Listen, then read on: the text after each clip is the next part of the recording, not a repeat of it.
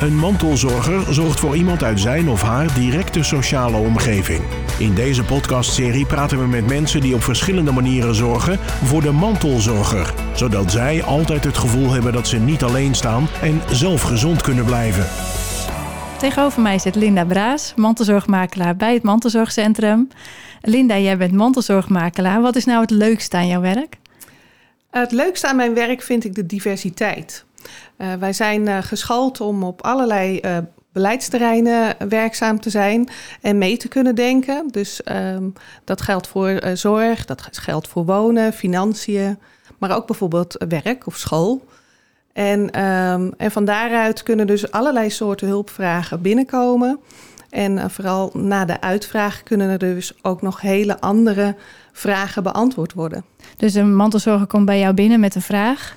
En, en dat kan misschien een hele andere kant op gaan. Hoe, werkt dat precies? Ja, klopt. Uh, nou, het kan zijn dat, uh, dat er bijvoorbeeld een uh, mantelzorger binnenkomt die zegt: Ik wil kijken wat mijn mogelijkheden zijn om te stoppen met werken. En, en dat we dan mee gaan kijken en dat we dan eerst eens een intake gaan doen om te vragen van waarom wil je stoppen met werken? Ben je daaraan toe vanwege je leeftijd? Is dat de zorg die je heel zwaar vindt worden? Uh, is dat, uh, zie je het als kans of zie je het als uh, probleem? En als je vanuit die hoek gaat kijken, dan kan het zo zijn dat we uitkomen op een hele andere oplossing. En van daaruit dus ook op een hele andere manier gaan insteken. Mooi. En, en nog even voor de duidelijkheid, hè? wie is ook alweer een mantelzorger? Uh, de mantelzorger, dat is een, uh, een naaste die uh, langdurig zorgt voor iemand die een zorgvraag heeft. Dus dat kan een, een ouder zijn voor een kind, dat kan een partner zijn, ehm, dat kan een kind zijn voor een van de ouders of grootouders, maar het kan ook bijvoorbeeld de buurman of de buurvrouw zijn. Ja, dus het gaat erom, er is iemand ziek en die heeft geen gebroken been of, of wat dan ook. Die heeft echt een, een ziekte die, die langer duurt dan, dan, dan een gebroken been.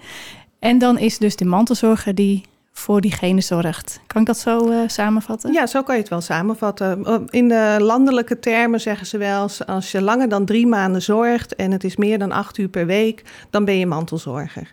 Nou, wij uh, hanteren die regel niet... want uh, dat is veel te uh, ja, steriel, zullen we maar zeggen. Want uh, je kan uh, heel veel zorg uitoefenen en je helemaal geen mantelzorger voelen. Maar je kan ook hele intensieve zorg verlenen en niet weten dat je mantelzorger bent. Dus als je je mantelzorger voelt, dan kom je aan bij het mantelzorgcentrum. Uh, dat is dan een hele mooie vraag die je nu stelt. Want sommige mensen die zeggen: Ja, ik doe iedere week boodschappen voor mijn buurvrouw, dus ik ben mantelzorger. En ja, dan denk ik dat dat ook nog niet helemaal klopt. Want je hebt natuurlijk ook nog te maken met uh, gebruikelijke zorg, om dan maar weer even zo'n term te noemen. Hè, uh, we mogen ook van elkaar best een klein beetje uh, verwachten en hopen dat we voor elkaar zorgen. Maar het gaat echt om de wat intensievere zorg die je langdurig verleent. Eigenlijk, als ik het nog verder mag uitdiepen, als we bijvoorbeeld een partner als voorbeeld geven, dan uh, is het heel gebruikelijk dat je in je eigen huishouden uh, overeenkomt wie uh, het eten bijvoorbeeld kookt en wie de tafel dekt. En, uh, en dat je gezamenlijk eet. Nou, dat, zijn allemaal, dat is allemaal gebruikelijke zorg. En als de ene het even niet kan, dan neemt de ander het over. En op het moment dat je echt het eten moet gaan prakken, bijvoorbeeld, of aanreiken aan de mond, dan overstijgt het het gebruikelijke. En dan kun je spreken over bovengebruikelijke zorg. En als je dan met elkaar getrouwd bent, hoort dat die dan niet gewoon bij de voorwaarden die je elkaar hebt gesteld uh, bij het jaarwoord?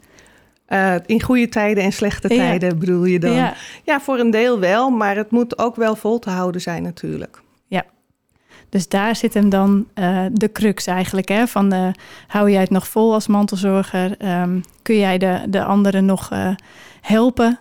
Dan, ehm, dan, en je voelt je geen mantelzorger, dan...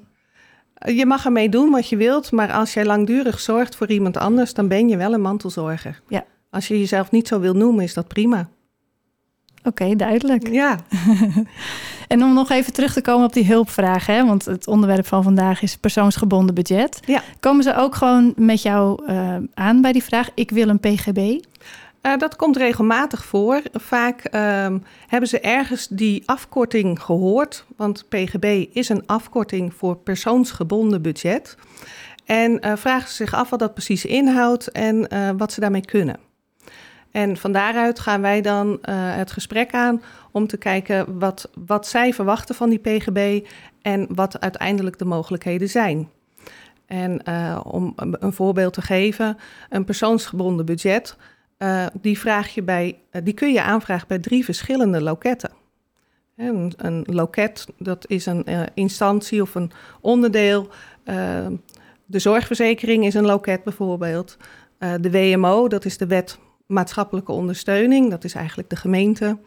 Uh, en je hebt ook de WLZ en dat is de wet langdurige zorg. En, en maakt dat uit uh, bij welk loket je zit of voor, voor dat PGB? Jazeker. Uh, er wordt een duidelijk onderscheid gemaakt. voor de zorgverzekering gaat het echt over verzorging en verpleging. en bij de gemeente dus juist niet. maar bij de gemeente gaat het dan bijvoorbeeld weer om begeleiding. En die begeleiding die kan individueel zijn of groepsbegeleiding bijvoorbeeld. het kan ook logeren zijn of uh, ja, uh, dagbesteding bij een, uh, bij een kleinschalige zorginstelling. Dan denk ik dat je nog even terug moet naar wat dan precies een PGB is. Want, want die verschillende loketten en, en onderdelen, dat is, klinkt misschien heel logisch voor jou, maar bij ja. mij gaat het al een beetje duizelen. Ik ga alweer te snel, hè? ja. Ik zal, uh, nou laat ik zo zeggen, um, als je zorg nodig hebt, dan kun je zorg krijgen in natura, zoals ze dat noemen. Dan uh, is er gewoon een uh, zorgorganisatie die die zorg kan leveren. Of je kunt zorg inkopen met een persoonsgebonden budget. En, en, en, nog even terug naar Natura. Is dat dan bijvoorbeeld een wijkverpleegkundige? Dat, dat is ook zorg in Natura? Ja, een thuiszorgorganisatie uh, is vaak zorg in Natura. Maar een wijkverpleegkundige kan ook als zelfstandige werken. En dan betaal je diegene bijvoorbeeld uit een PGB. Oké, okay, dus een wijkverpleegkundige kan uit allebei de potjes worden betaald. Ja, maar je gaat nooit een wijkverpleegkundige uit PGB betalen als ze ook voor een organisatie werkt in Natura. Oké, okay. Oké, dat dus, vind ik wel belangrijk om even ja. gemeld te hebben. Maar goed, een PGB um, vraag je natuurlijk niet zomaar aan. Het begint bij de zorg. Dus wat voor zorgvraag heb je um, als mantelzorger... of misschien vanuit degene voor wie je zorgt... om bij dat PGB te komen? Ja, dat is heel goed wat je nu zegt. Uh, wat we altijd adviseren is om eerst eens na te gaan... Um, wat voor zorg is er nodig? En dan is het ook nog belangrijk om te vermelden dat die PGB wordt aangevraagd door de zorgvrager. Uh, uiteraard, in bepaalde gevallen moet iemand daarbij helpen, maar uh, de budget, budgethouder is degene die de zorg nodig heeft. Dus de, de zorgvrager um, vraagt het PGB aan en is daarmee ook budgethouder? Ja. Wat houdt er dan in, budgethouder? Nou, dan kom ik terug op jouw vorige vraag, waarin je dus zegt zo van wat is er nou precies voor nodig, wat voor soort zorg. Je gaat dus eerst kijken wat voor soort zorg is er nodig. En als je dat uh, een beetje duidelijk hebt, dan kun je dus kijken wie kan die zorg gaan leveren. En uh, dan kom je dus uit in uh, of een situatie waarin je zorg in natura nodig hebt. dat is dus altijd iemand die een contract heeft met het loket waar jij die PGB eh, uit krijgt of die zorg in ieder geval uitnodig hebt. En dan is er dus helemaal geen sprake van PGB. Op het moment dat jij uh, zorg nodig hebt die een zorgorganisatie niet kan leveren, en dan moet je bijvoorbeeld denken aan uh, veel korte momenten gedurende de dag, onplanbare zorgmomenten die ad hoc ontstaan. Bijvoorbeeld ook um, uh, als bijvoorbeeld de, de, de, degene die ziek is, hè, dat die graag wil wandelen iedere dag, een, een paar keer per dag, maar dat zelf niet, of de mantelzorger daar geen tijd voor heeft bijvoorbeeld. Valt dat daar ook onder? Nou, wat, wat moet ik me dan precies voorstellen bij um, meerdere keren per dag en ad hoc? Uh, meerdere keren per dag, dan denk ik bijvoorbeeld uh, eerder aan een, uh, een, verpleging of verzorgingshandeling, waarbij je dus um, Uh, bijvoorbeeld uh, iemand die heeft uh, last van, van een darmprobleem. En daarbij ehm, ja, gebeuren er ongelukjes waarbij er dus meerdere keren per dag de kleding gewisseld moet worden. En eventueel het bed verschoond moet worden of iets dergelijks. dat kan soms heel lastig inplanbaar zijn. En als er dan iemand in de omgeving is die zegt zo van, maar ik ben nabij en ik kan daar snel zijn om dat op te lossen. Maar ik zie dat wel als werk. Dan zou dat een mogelijkheid zijn om bijvoorbeeld uit PGB betaald te worden. En is dat ook niet iets wat een mantelzorger doet?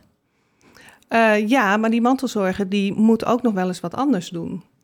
Dat, uh, die, die kan ook naar zijn werk willen of die heeft het ook s'nachts al. En als het dan 24 uur per dag is, bij wijze van spreken, en, en ja, dan moet dat toch ook op een andere manier ingevuld kunnen worden als die wens er is. Want een mantelzorger is altijd vrijwillig. En ja, dat moet niet een verplichting worden.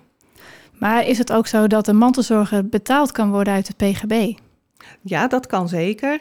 Um, dan is het dus zo dat uh, je een zorgmomentenoverzicht maakt. Hè. Dat is dus de manier, een hele handige manier om uh, eerst na te gaan wat voor soort zorg er nodig is. En uh, met dat zorgmomentenoverzicht kun je dus ook al zien wat die mantelzorger allemaal doet. En van daaruit kun je dan filteren wat gebruikelijke zorg is. En, uh, die, dat filteren, doe jij dat dan bijvoorbeeld ook? Ja, daar kunnen wij als mantelzorgmakelaar inderdaad bij helpen. Maar uh, bijvoorbeeld in het geval van een PGB via de zorgverzekeringswet, dan doet de wijkverpleegkundige dat.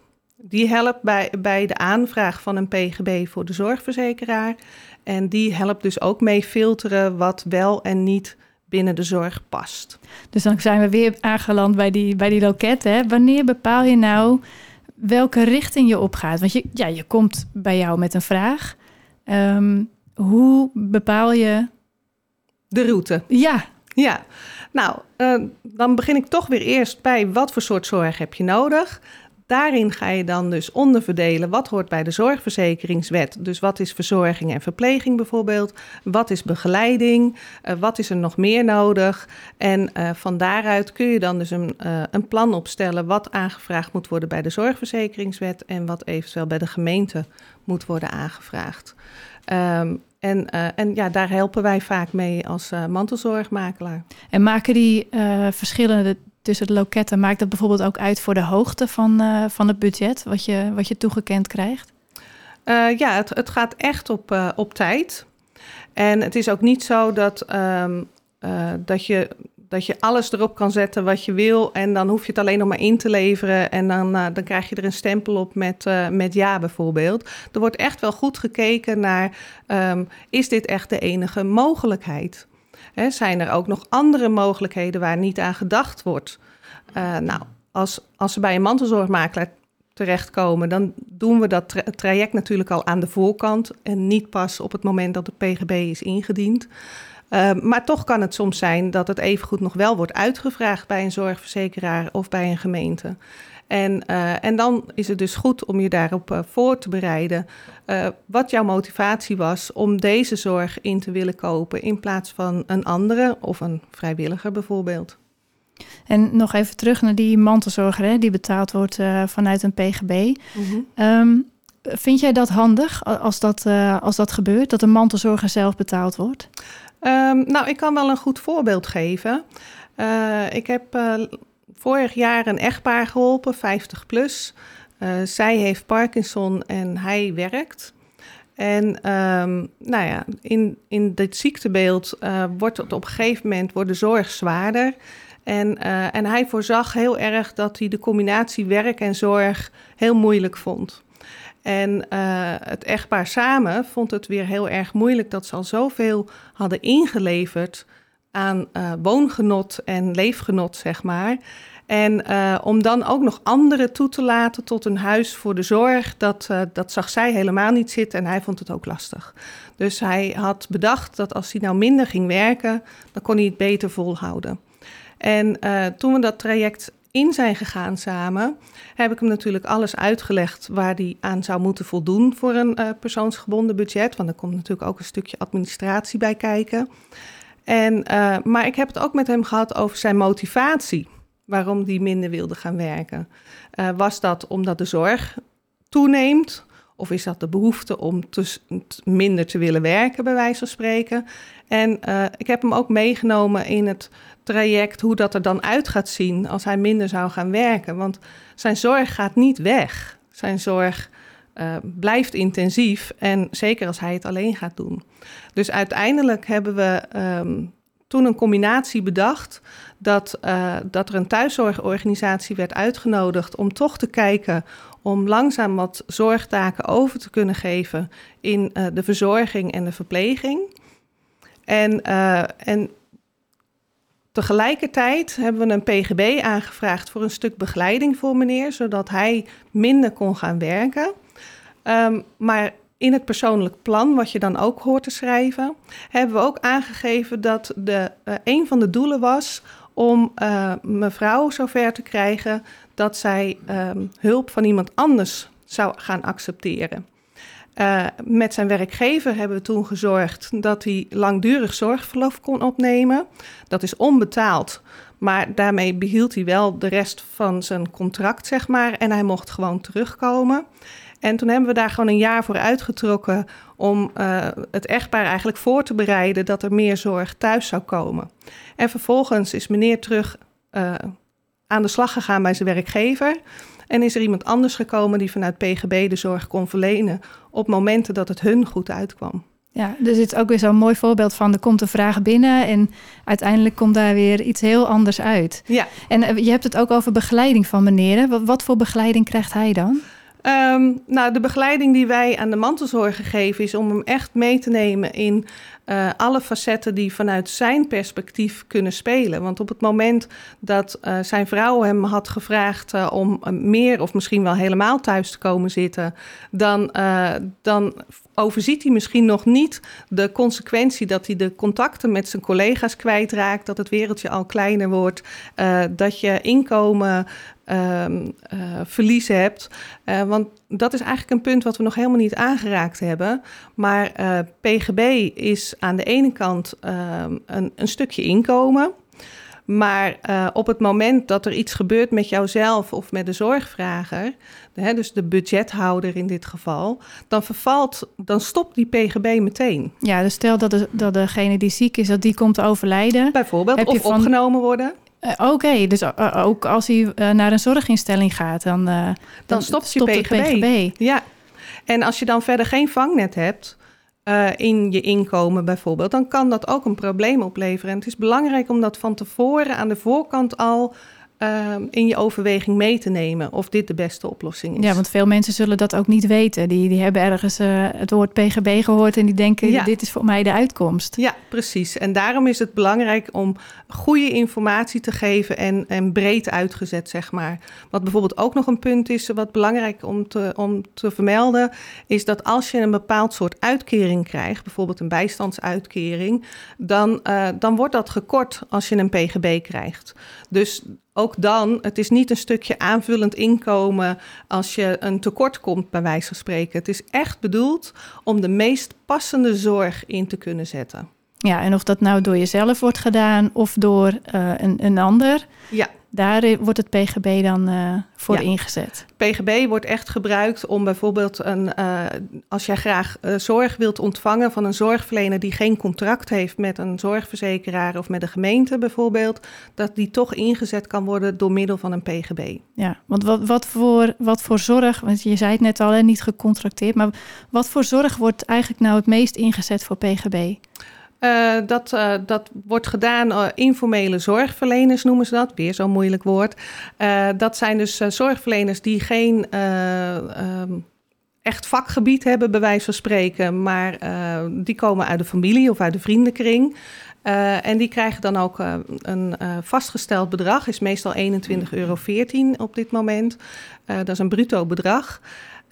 wat ze dan krijgen voor hun, voor hun begeleiding bijvoorbeeld, die ze geven. En wordt er dan ook door professionals uh, zorg verleend vanuit ja, de PGB? kan ook. Ja hoor. En, en is dat dan niet via andere wegen te, uh, in te zetten, die zorg?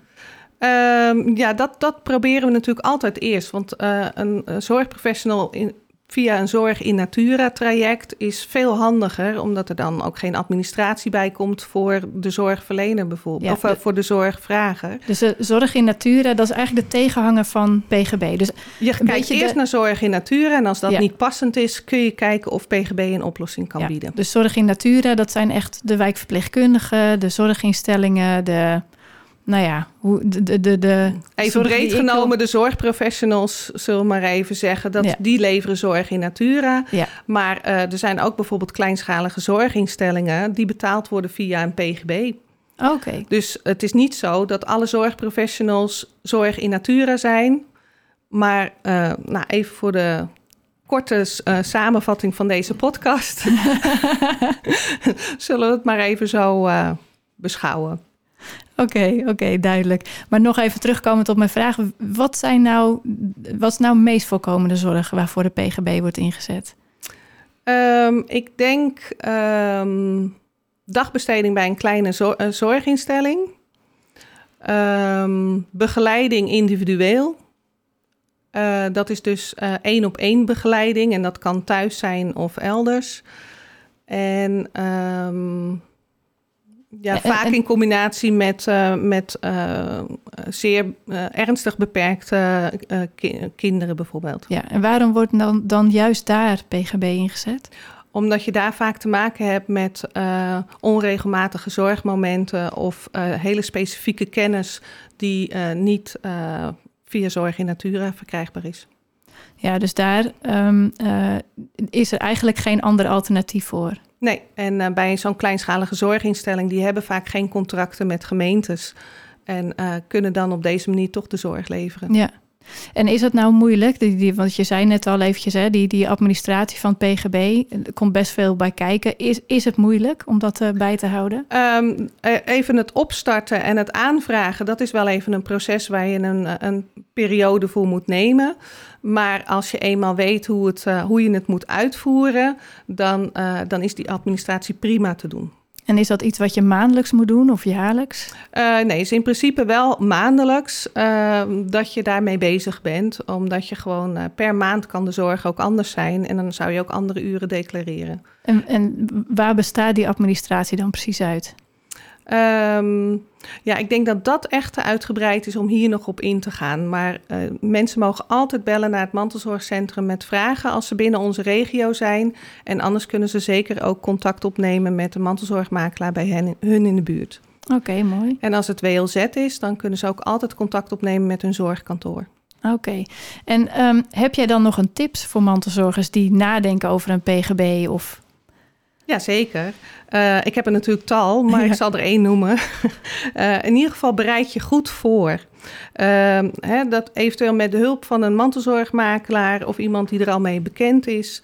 eh, bedenk welke zorg past ehm, en wat nodig is. Eh, kijk of het ook verkrijgbaar is. Hè, dus of je het ook echt kan inkopen met een PGB. En vraag dan pas de PGB aan bij het juiste loket. ja, dus de- en kijken of het ook echt eh, eh, inkoopbaar is of, of eh, dat het aanwezig is. Dat zou je dan ook bij het mantelzorgcentrum kunnen checken. Ja, kan ook. Ja. Oké. Nou, dankjewel voor al je informatie, Linda. Ja, het was een uitgebreid eh, moment, maar eh, en, te moeilijk om in zo'n kleine podcast misschien te doen. Ja, Maar ik vond het in ieder geval leuk om het in ieder geval toe te lichten. nou ja, en inderdaad, als mensen nog vragen hebben, op onze website staat nog meer informatie: www.mantelzorgcentrum.nl. Ja. En ik wens u eh, een fijne dag en bedankt voor het luisteren. Tot de volgende keer. Dankjewel. Dit was Mantelzorger. En nu een samenwerking tussen Streekstad Centraal en het Mantelzorgcentrum. Meer informatie over mantelzorg is te vinden op mantelzorgcentrum.nl.